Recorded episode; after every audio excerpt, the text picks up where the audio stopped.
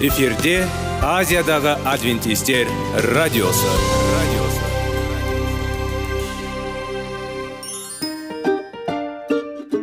Сәлем достар. Денсаулық өмір бұлағы және біздің бірінші байлығымыз демекші денсаулық сағаты рубрикасына қош келдіңіздер.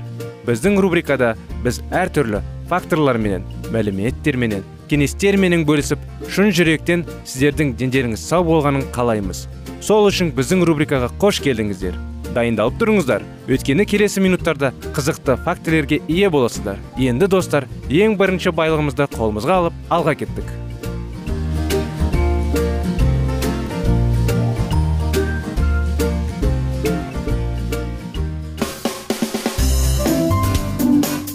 Денсаулық туралы хабар. Денсаулықтың ашылуы. Күн сайын сөз үшін күшті кеңестер соңғы жаңалықтар қызықты факторлар. Біздің рубрикада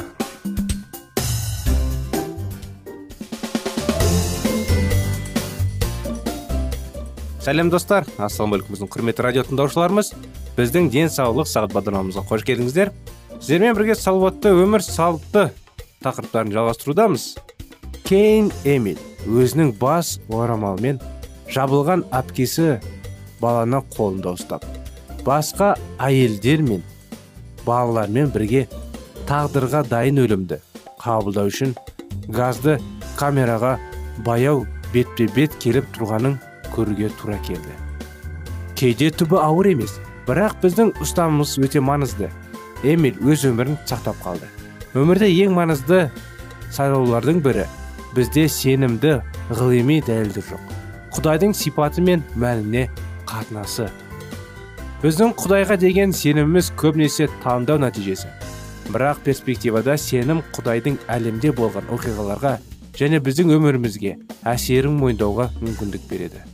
Және абсолютті ғылыми дәлелдердің жоқтығына қарамастан құдайға сену немесе сену шешімі тікелей және алыс келе жатқан әсерлерге ие емес.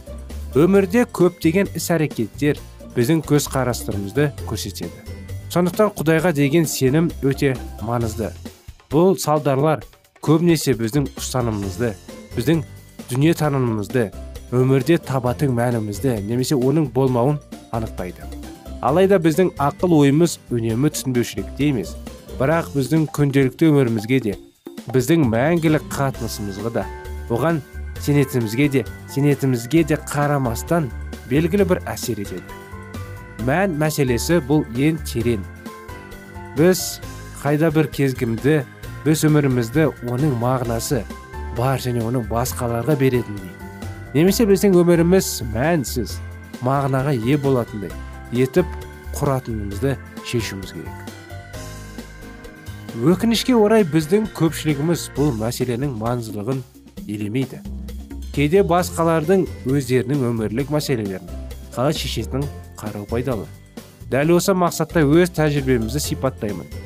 Медицинаны зерттей отырып мен физика химия биология адам физиологиясы және анатомия сияқты іргелі ғылымдарды білім алдым. Мен осы салаларға тереңдеген сайын адам ағзаның күрделі және бір бірімен байланысқан механизмдерінің алдында қорқыныш сезінді. Курс барысында маған терең бүйірлік ойлану сезімі өтті оқыту кезінде бізге эволюция теориясында сондай ақ әлемнің қалыптасуының інжіл тарихында сабақ берді бұл екі теорияның толық дәлелдер бермейтіндігін бірақ белгілі бір қиындықтарды білдіретінін ескере отырып адамдар амбивалентті яғни екіқабат қалай болатының анық болады менің ойымша мұндай күрделі өзара байланыс және табиғат күштерінің мінсіз келісімділігі кездейсойық жағдайда болуы мүмкін емес. Құдайсыз өмір теңдеулі шешімді жоғалтады және жағымсыз мағынасыз болады. Егер біздің ойдың құдайдың жойса онда менің және сіздің өміріңіз аз ғана тас тұз кристалмен салыстырылады. Моральдық этикалық нормалар адам ақыл ойын ойлап табуының келеді. Ол шын мәнінде тек жағдайды ойлап табу ғана. Бір жағынан эволюция теориясы алғашқы дербес өмір қалай? Неге және қашан пайда болды деген сұрақтарға жауап бере алмайды ол. Екінші жағынан менің өмірлік тәжірибем мені парасаттылық мейірімділік махаббат және құтырудың бар екенін үйретті. Осы себепті мен құдайға сенуді қалаймын. Ол өмірде мәні туралы ойлады. Көп ұзамай менің шешіміммен шешімнен кейін менің өмірімнің барлық салаларында таңданыс салдар табылды. Өмір мағынасы болғанда ол құндылығы бар. Біз қанша өмір сүрсеміз бізде мақсат бар және бұл бізге құндылық береді. Менің балаларым әйелі менің отбасым менің шеркеу қауымның әлемдегі барлық адамдарды құндылығы бар. Менің нормалар барлық жағынан жабылуға ұшыраған. Алпысыншы жылдарда еске аламын. Хеппи шаштағы гүлдермен және басыңды горшокпен тыныш музыкаға бота отырып кез келген бағалы нұсқалауды қабылдамады. Олардың өздері көп басым бөлігі барлығына өз құндылықтарын орнатуға мүмкіндік береді. Сайып келгенде бұл жалпына ортақ мақсат пен мақсаттан бас тартуға әкеледі. Осылайша барлық құндылықтар теріске шығарылады. Құдайды шындық ретінде қабылдау құдайға емес адамға әсер ететін негізгі таңдау. Біздің таңдауымыз бізге әсер ету үшін толық болу керек. Сонда құдайдың өмір сүруінің шынайылығы біздің өмірімізде бәрін түсіндіретін факторлар болады. Біз жаратушы табиғаттағы аян және қасиетті жазу арқылы өз ойларыңыздың ой санасына және бейнесіне ықпал етуге ұмтылатын түсінігінеміз келі кітапта зерттеу таңдау опцияларының кен сепкерін береді. Біз оны зерттеген кезде бізге құтқару жоспарының таңғажайып тергеушісі ашылады. Біз киелі кітап жазылған күрделі жағдайды көреміз. Оның жазу уақыты үлкен уақыт пен мәдени кезеңдерін қамтиды. Дегенмен біз оның мазмұнын бір тектілігін көреміз. Біз тағы да киелі кітапты қалай түсінуге және оның сабақтарын бізді өмірімізде қолдануға қатысты таңдау жасаймыз. Біздің дүние танымымызда анықтайтын фактор ретінде таңдау еркіндігін тану бізді басқаның пікіріне ғана емес басқа адамдарға төзімділікке сүйретеді. Бақытты болу үшін біз таңдау еркіндігіне ие болу және басқалармен келісуіміз керек. Мүмкін өзінің мәні бойынша еркіндік және кем дегенде ойлау салтында таңдау еркіндігі бар. Әр адамда еркіндік бар. Дұрыс өмір сүру болмаса дұрыс емес. Денсаулықты дұрыс ұстау болмаса дұрыс емес.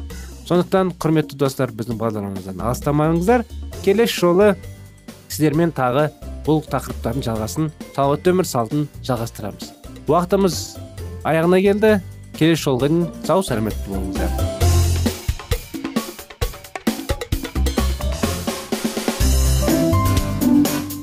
Денсаулық туралы хабар. Денсаулықтың ашылуы күн сайын сөз үшін күшті кеңестер соңғы жаңалықтар қызықты факторлар біздің рубрикада.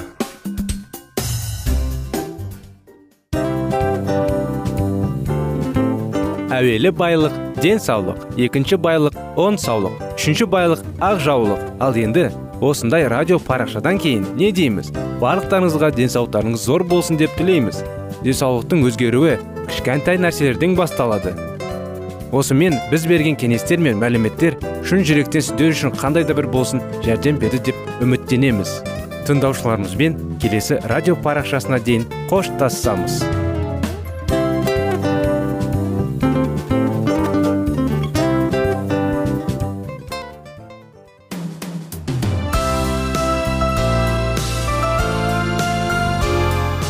эфирде азиядағы адвентистер радиосы. Радиосы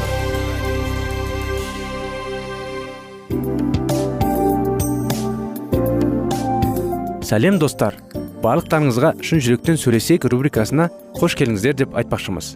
Шын жүректен сөйлесейік бағдарламасы әртүрлі қызықты тақырыптарға арналған. Шындығында шын жүректен сөйлесейік деген сөздің мағынасы екі достың екі адамның ортасындағы шын жүрекпен сөйлесуі бір біріне сенуі ашықтық пен шындықты білдіреді. Сол үшін біздің бағдарламалар әртүрлі қызықты тақырыптарға арналған. Дайындалыңыз жаңа қызықты мәліметтерге ие болуға. Ондай болса кеттік.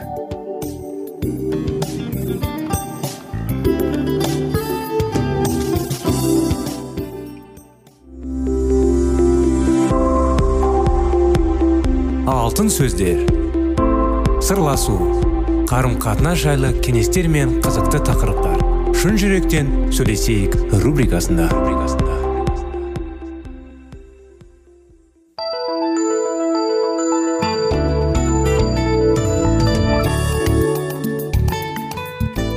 Сәлеметсіздер ме құрметті достар? Құрметті радио тыңдаушыларымыз біздің шын жүрекпен сөйлесейік бағдарламамызға. Қош келдіңіздер деп айтқымыз келеді сіздерге. Сіздермен бірге өткен жолы шектеулер тақырыбындағы кешіңіздер кітабындағы бобтың оқиғасын бастаған едік. Оның әйелімен қарым қатынастары жайлы бір бірінің түсініспеушіліктері жайлы. Соны кішігірім қайтадан сол оқиғаны басына қарай жөнеліп басынан анықтаманы бастап кетейік сіздерге. Бобтың басында дәл осындай жағдай болды. Оның әйелі нэнси үйлерінің мінсіз болғанын қалады. Ол үй ішінде жиі өзгерістер жасайтында бобтың басқа еш нәрсе істеуге уақыты қалмайтын ол әйелінің жобаларына наразылық таныта бастады. Кеңес алуға келген кезінде. Мен одан ашуының себебі жайында сұрадым. Себебі ол өте көп нәрсені қалайды. Өз шаруаларыма мүлде уақыт таба алмаймын. Деді ол екен. Уақыт таба алмаймын дегенді не айтқыңыз келеді? Оның артында тапқым келмейді деген сөз тұрған жоқ па? Жоқ таба алмаймын. Егер мен оның айтқан жұмысын істемесем онда ол ашуланар еді. Бірақ бұл оның мәселесі ғой. Ашу оның өзінікі. Иә бірақ мен оған құлақ асуға тиіспін. Жоқ олай етуге тиіс емессіз дедім мен. Оның ерліктеріне көтеру не көтермеуді оның көңіл күйіне төзу не төзбеуді сіздің өзіңіз шешесіз. Ол үшін бір нәрсе істеп уақытыңызды жұмсаған сайын созалған сыйлық жасайсыз. Егер сіздің ол іспеп айналысқыңыз келмесе онда оны істеуге міндетті емессіз. Бұл үшін оның кінәлауыңызды доғарыңыз. Бобқа бұл айтқандарым ұнаған жоқ. Ол әйелінің өзің бір нәрсе істеуге мәжбүрлеуін тоқтатқанын қалады. Бірақ оның жоқ деп айтуды мүлде үйренгісі келген жоқ. Үйдегі жөндеу жұмыстарына аптасына қанша уақытыңызды бөлгіңіз келеді еді деп сұрадым мен. Сәл ойланып қалған ол төрт сағат деді. Сонда мен оның кейбір өтініштерін орындай алмаймын және шаруаларыма да уақытым болмады деп жауап берді. Онда әйеліңізге осылай деп айтыңыз. Оның сіз бөлген уақытты қалай пайдаланса да өз еркі. Ал егер ол төрт сағаттың жеткіліксіз екенін айтса ше оған өзіңіздің бәрін түсінетініңізді айтыңыз. Барлық шаруаны атқару үшін бұл уақыттың жеткіліксіз болып шығуы әбден мүмкін. Бірақ бұл сіздің емес оның қалауы ғой. Өз қалаулары үшін оның өзі жауапты ғой. Сондықтан олардың орындалу үшін басқа жолдар қарастырсын. Оның қосымша табыс тауып біреуді жалдап істетуіне болады. Кейбір нәрселерді өзі істеп үйренуіне де болады. Достарынан көмек сұрауына немесе қалауларына аздап шек қоюына болады. Әйеліңіздің оның қалаулары үшін сіздің жауапкершілік тартыңызды. Келмейтінін қанша көмектескіңіз келсе тек сонша ғана көмектесіңізді түсінгеніңіз маңызды. Ал қалғандарының бәрі үшін оның өзі жауапты. Боб менің ұсынысымды қисынды деп тауып әйелімнен сөйлеуге бел байлады. Алғашында олардың әңгімелері жараспады. Нэнсиге бұрын ешкім жоқ деп ешқашан айтып көрмеген еді. Сондықтан ол бобтың қарсылығын қуанышпен қабылдай қойған жоқ. Бірақ уақыт өте келе боб өзі қалаған шектеулерін орнатуды үйрене бастады. Ол нэнсиді қалауларының шектен тыс екенін айтып жазғылары қойды. Бұл тәсіл сәтті болып шықты. Ал нэнси әлемнің тек өзі үшін ғана жаратылмағанын өзге адамдардың мұның қалауларының орындауға мүлде міндетті емес екендерінің өйткені олардың өз қалауларының болатынын түсіне бастады. Сондай ақ ол сүйіспеншілікке құрылған әділ қарым қатынастың өзара көмекке негізделінен де түсінді. Біздің шектеулеріміз үшін өзге адамның жауап бермейтінін мүсінге түсінген маңызды. Олар үшін біздің өзіміз жауап береміз. Не қалайтынымызды және қанша бере алатынымызды тек біздің өзіміз ғана білеміз. Және шекара сызған жүргізусіз тек өзіміз ғана жауаптымыз. Егер ол сызықты орнатпайтын болсақ онда ашуға тез берілеміз. Некедегі шектеулердің заңдары шектеулердің заңдары тарауында біз шектеулердің он заңы туралы айттық. Ал енді осы заңдардың кейбірін отбасылық мәселелерге қатысты қарастырып көрейік. Салдардың заны. Көп жағдайларда былай болады. Ерлі зайыптылардың бірі өзін мүлде жауапсыз ұстайды. Бірақ өз әрекеттерінің салдарын тартпайды. Күйеуі әйеліне жиі дауыс көтереді. Ал әйелі оған мейірімді болуға тырысады. Сонда жамандық айқай күйеуі үшін жақсылық әкелетінің болып шығады. Жақсы қарым қатынас немесе әйел шамадан тыс ақша жұмсайды. Ал күйеуі оның шығындарын жабу үшін екінші жұмысқа шығады.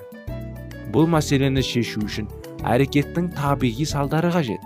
Әйел өзінің ашушан күйеуіне егер ол айқайын тоқтатпайтын болса онда өзге бөлмеге кетіп қалып ол сабасына түскенше келмей қоятынын айтуы тиіс. Немесе оның күйеуіне енді мені мұны мен сені мен оңашада талқылаймын. Тек кеңесінші қатысуыма ғана. Немесе егер сен тағы дауыс көтеретін болсаң онда мен түнеуге құрбымның үйіне кетіп қаламын деуі қажет. Тым ысырапшыл әйелге оның екінші жұмысқа орналасып артық шығындарын оның өзі төлеуі қажеттігін айтуы қажет. Басқаруға көбейтін жұбайлардың өз әрекеттерінің салдарының өздерінің зарда шегулеріне мүмкіндік беруі жөн. Менің бір досым әйелін кешігіп келу әдетіне тарылтуға бел байлады. Ол әйелінің бұл жаман әдетімен жылдан бойы жылдар бойы күресіп келді. Бірақ еш нәтиже шығара алмады. Әйелі кешігіп келуін қояр болмады. Ақырында ол әйелін өзгерте алмайтын бірақ оның қылығына қатысты өз әрекетін өзгерте алуына түсінді. Әйелінің әдетінің салдарының шаршаған ол оның өзіне зардап шегуге мүмкіндік беруге бел байлады. Мінекей құрметті достар қазіргі осы әйелін жайлап кешігіп келетін оқиғаны келесі жылы жалғастырайық. Өйткені уақытымыз тығыз болған соң аяғына да келіп жетті. Сондықтан келесі бағдарламаға дейін құрметті достар келесі жолға дейін сау сәлемет болыңыздар.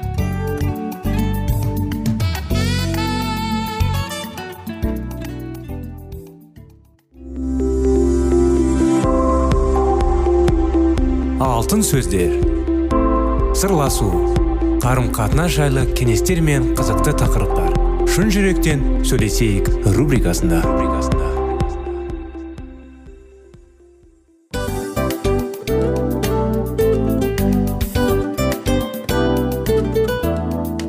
Құрметті достар барлық ең соңғы кеңестер аяқталған соң біздің программамыз соңына келіп қалды. Осы біздің мәліметтер осы рубрикада айтылған әрбір сөздер сіздерге өзінің қандай да бір пайдасын алып келді деп шын жүректен сенеміз. Және бұдан да көптеген рубрикаларымыз бар. Басқа рубрикаларымызда біздің зерттеулерімізде сіздер үшін тағы да қызықты мәліметтер дайын. Біздің шын жүректен сөйлесейік парақшамызда көптеген әдістер ең соңғы кеңестер адамның нравственность жақтан моральдық жақтан тазалап байыта тұрған соңғы кеңестердің барлығын жанарады. Сондықтан алдыңғы күндерде бізбен бірге болыңыздар. Өйткені барлық қызықтар алдыда. Бізбенен бірге болғандарыңызға үлкен рахмет. Келесі кездескенімізше сау сәлемет болыңыздар.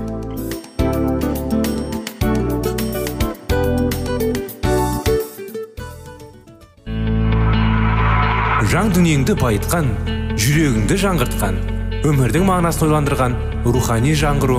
Рубрикасы.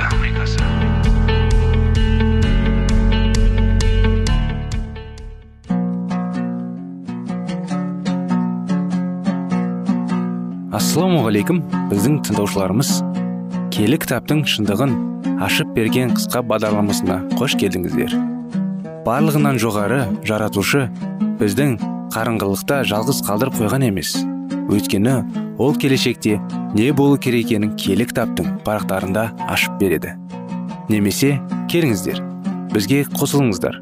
Жаратушы бізге нен ашып бергенін зерттейміз. Ассалаумағалейкум армысыздар. Құрметті біздің достар құрметті радио тыңдаушыларымыз біздің рухани жаңғыру бағдарламамызға қош келдіңіздер. Рухани жаңғыру бағдарламада әрдайым маңызды керекті тақырыптарды әңгімелеп зерттейміз. Диалогтар жүргіземіз. Құдайдың кеңесін аламыз. Құдайға сиынамыз әрине. Кітаптар оқимыз маңызды кеңестер аламыз. Қазіргі уақытта сенуді қалай үйренетінін тақырыпты әңгімелеп жүрміз. Естеріңізде болса өткен жолы біз сырласу құдаймен сырласу жайлы. Құдаймен сөйлесу. Сену дегенде сену дұға емес дұрыс бағында дұрыс айтқанда құдаймен сөйлесу десек болады. Сонда біз өзіміздің жақын адаммен сырласып кезде жүрегіміздегі қиыншылықтар бар болған кезде біраз сөздер болған кезде достарымызбен әңгімелесіп сырласып оларға соның бәрін жеткізген кезде жүрегімізді сол сияқты сүйіну дұға құдаймен сөйлесу деуге де болады. Болады емес қайта сөйтіп айту керек. Құдаймен сөйлестіру керек біз адам болған соң пенде болған соң. Мұндай құдайға жүрек ашпауға болады ма? Мен барған мектеп интернатта шамамен 600 оқушы болды. Олардың бірі мен тас алмады. Әрине бұл антипатия дегенде өзара негізделді. Жас келді. Мен бұл оқушы туралы ойлаған жоқпын. Демалыс біз онымен қайтадан кездескен кезде жартылай ай өтті. Ол кенеттен біздің жұмыс жасағанда пайда болды. Мен өзім туралы 24 сағат ішінде екеуміз осыдан кету керекпіз деп. Бұл бәлкім ол да ойлаған шығар. Ал үш аптадан кейін біз нағыз дос болдық. Сонда не болды? Тек күн сайын сөйлесіп біз біртіндеп бір бірімізді жақсы білдік. Бұл ретте біз бір бірімізге дұрыс түсінік бердік. Ал енді бізде нағыз достық бұл құдайға татыстық қатысты. Ол туралы көп білеміз ол туралы біздің түсінік соғұрлым өзгереді. Ал бұл өз өзгінде күн сайын өсіп келе жатқан сенімге ықпал етеді және онымен достықтың негізі болып табылады. Бұл қол жеткізуге болатын. Тек әңгіме ой алмасу арқылы. Сіз онымен сөйлеспей біреумен достық қарым қатынас орнатуға тырысатыңыз ба? Жоқ қарым қатынас емес пайда болуы мүмкін ешқандай байланыс егер сіз сүйіп исаны сүйсеңіз сөйлесіңіз және ол сіздермен сөйлеседі. Бұл сүйінудің мәні. Бүгін дұғаны бастаңыз кейінге қалдырмаңыз. Құдайға жүрегіңізді ашыңыз бұл қарапайым. Мұнда жұмбақ немесе терең құдайлық ештеңе жоқ. Сіз құдай сіздің досыңыз үшін ризасыз ба? Оған айтыңыз барлығын. Ие мен сен менің досым деп ризамын деп айтыңыз. Міне бұл дұға. Сіз күнәлар жайлы айтасыз ба? Оның бәрін оған айтыңыз. Менің күнәларым менің мазалайды деп. Бұл дұға ету дегенді білдіреді. Егер сіз ол сізді кешіргенін қаларсаңыз онда оған бұл туралы айтыңыз.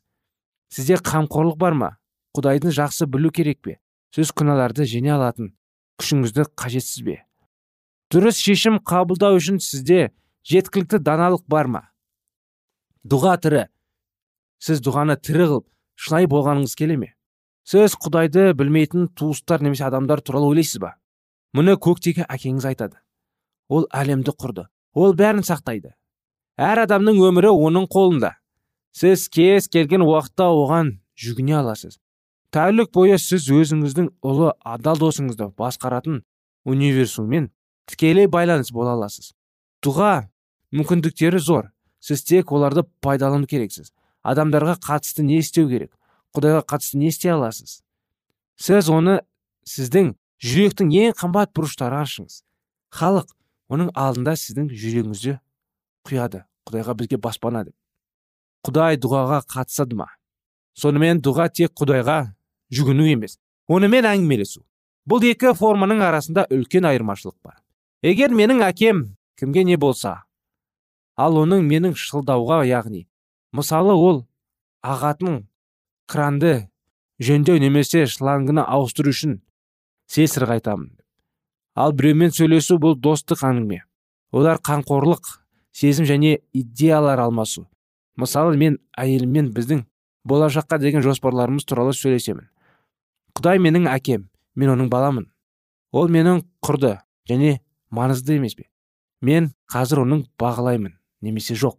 Мен құдаймен өмірді бейтаныс кеңесшілермен дос ретінде сөйлесе аламын. Шынайы дұға құдаймен маңызды көп мәнде және сенімді әңгіме. Ол оған қуанады. Дұға жасаңды немесе керілген ал құдаймен мүлдем табиғи және еркін әңгіме болмауы керек. Құдайға қараса адам өзіне бағдар алады. Құдайым сосын жоғарыда және біз бейнелі өнері күннен күнге тұлға оған біздің сигналдар үмітпен олар жете ме оға дейін? Және ол марапатталып біздің ұнамдар өмір сүруі бұл жағдайда дұға тек табанда. Ақылсыз шешімдермен орындалатын борышты орындау ғана нәтижесінде бұл рухани өлімге әкеледі. Құдаймен әңгімелесу көктегі әкенің тікелей қатысу санасында орын алды. Сіз дұға үшін ойлар бұрғанда әкесі ұлы және келі рух сізге көмекке келуге дайын айындасақ әкесі өз ұлын сүйіп алып вот сізді құшақтарына құшақтайды. Біздің танысуымыздың алғашқы бірнеше ай ішінде біз әйелімізбен тек қана хат алмасып алдық. Өйткені ол америкада өмір сүрді ал мен жарықпен саяхаттадым. Оның хаттарын кейбір маған жетпеді. Немесе мекен жайы дұрыс көрсетілмеген. Немесе олар жай ғана жоғалтты. Мен одан хабар алған жоқпын. Онда ол маған ешқандай сезім жоқ деп ойласа бастады. Бірақ ақырында одан кізгі махаббат хатын ала отырып мен бірден басқаша елестетіп көрдім. Құдайға деген қарым қатынасыңыз күнәмен және бағынбаушылықпен бітуі мүмкін. Бірақ оның сүйікті хабары сізге жетеді. Себебі тікелей сөзге бағытталған. Егер сіз оған бірнеше минут бөлсеңіз және оны ойласыңыз онда оған қуана қуана жауап беріңіз. Әкесі әкем сені жақсы көреді. Сіздің әкеңді біледі. Сіздің өтінуіңіздің алдында оған мұқтаж боласыз. Егер сіз зұлымдық бола отырып балаларға жақсылық бере білсеңіз оның үстіне әкенің сұрай алатындай игілік береді. Егер сендерді қайсы бір даналығыңыз жетпесе. Құдайдан бәріне қарапайым және ұқталсыз берілетін сұраса және оған береді. Ұлы мен саған дұға еттім. Сіз достарым менің менің атынан не сұраңыз ол сізге береді дейді. Мінекей осындай оқиға осындай сену жайлы ақпарат. Өкінішке орай бағдарламамыз аяғына келді құрметті достар. Сіздерді келесі бағдарламаға шақырамыз. Сау болыңыздар.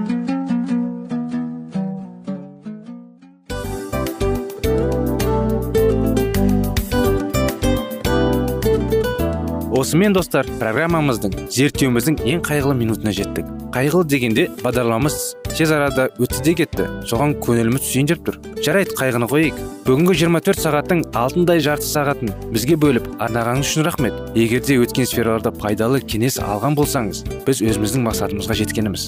Тыңдаушыларымызбен қоштасу уақыты келді. Келесі кездесулерді сағынышпен күтеміз. Жарты сағатты кездесуіміз көз ашып шапқанша дем арасында өтіп кетті. Бірақ бізде жақсы хабар бар. Келесі зерттеулерімізде сөзсіз кездесеміз. Өйткені көптеген сюрприздер қызықты мәліметтерді және керекті нәрселерді көбін дайындадық. Бүгінгі күндеріңіз өзгеше позитивті болсын. Жақындарыңыз аман есен болсын деп тілейміз. Жаратқан ие барлықтарыңызға батасын берсін. Істеген істеріңіз игілікті болсын. Келесі кездескенше сау саламат болыңыздар. Достар біздің бағдарлама бойынша сұрақтарыңыз болса әрине сіздерге керекті анықтама керек болса біздің whatsapp нөмірімізге хабарлассаңыздар болады. Плюс бір үш жүз бір жеті жүз алпыс алпыс жетпіс.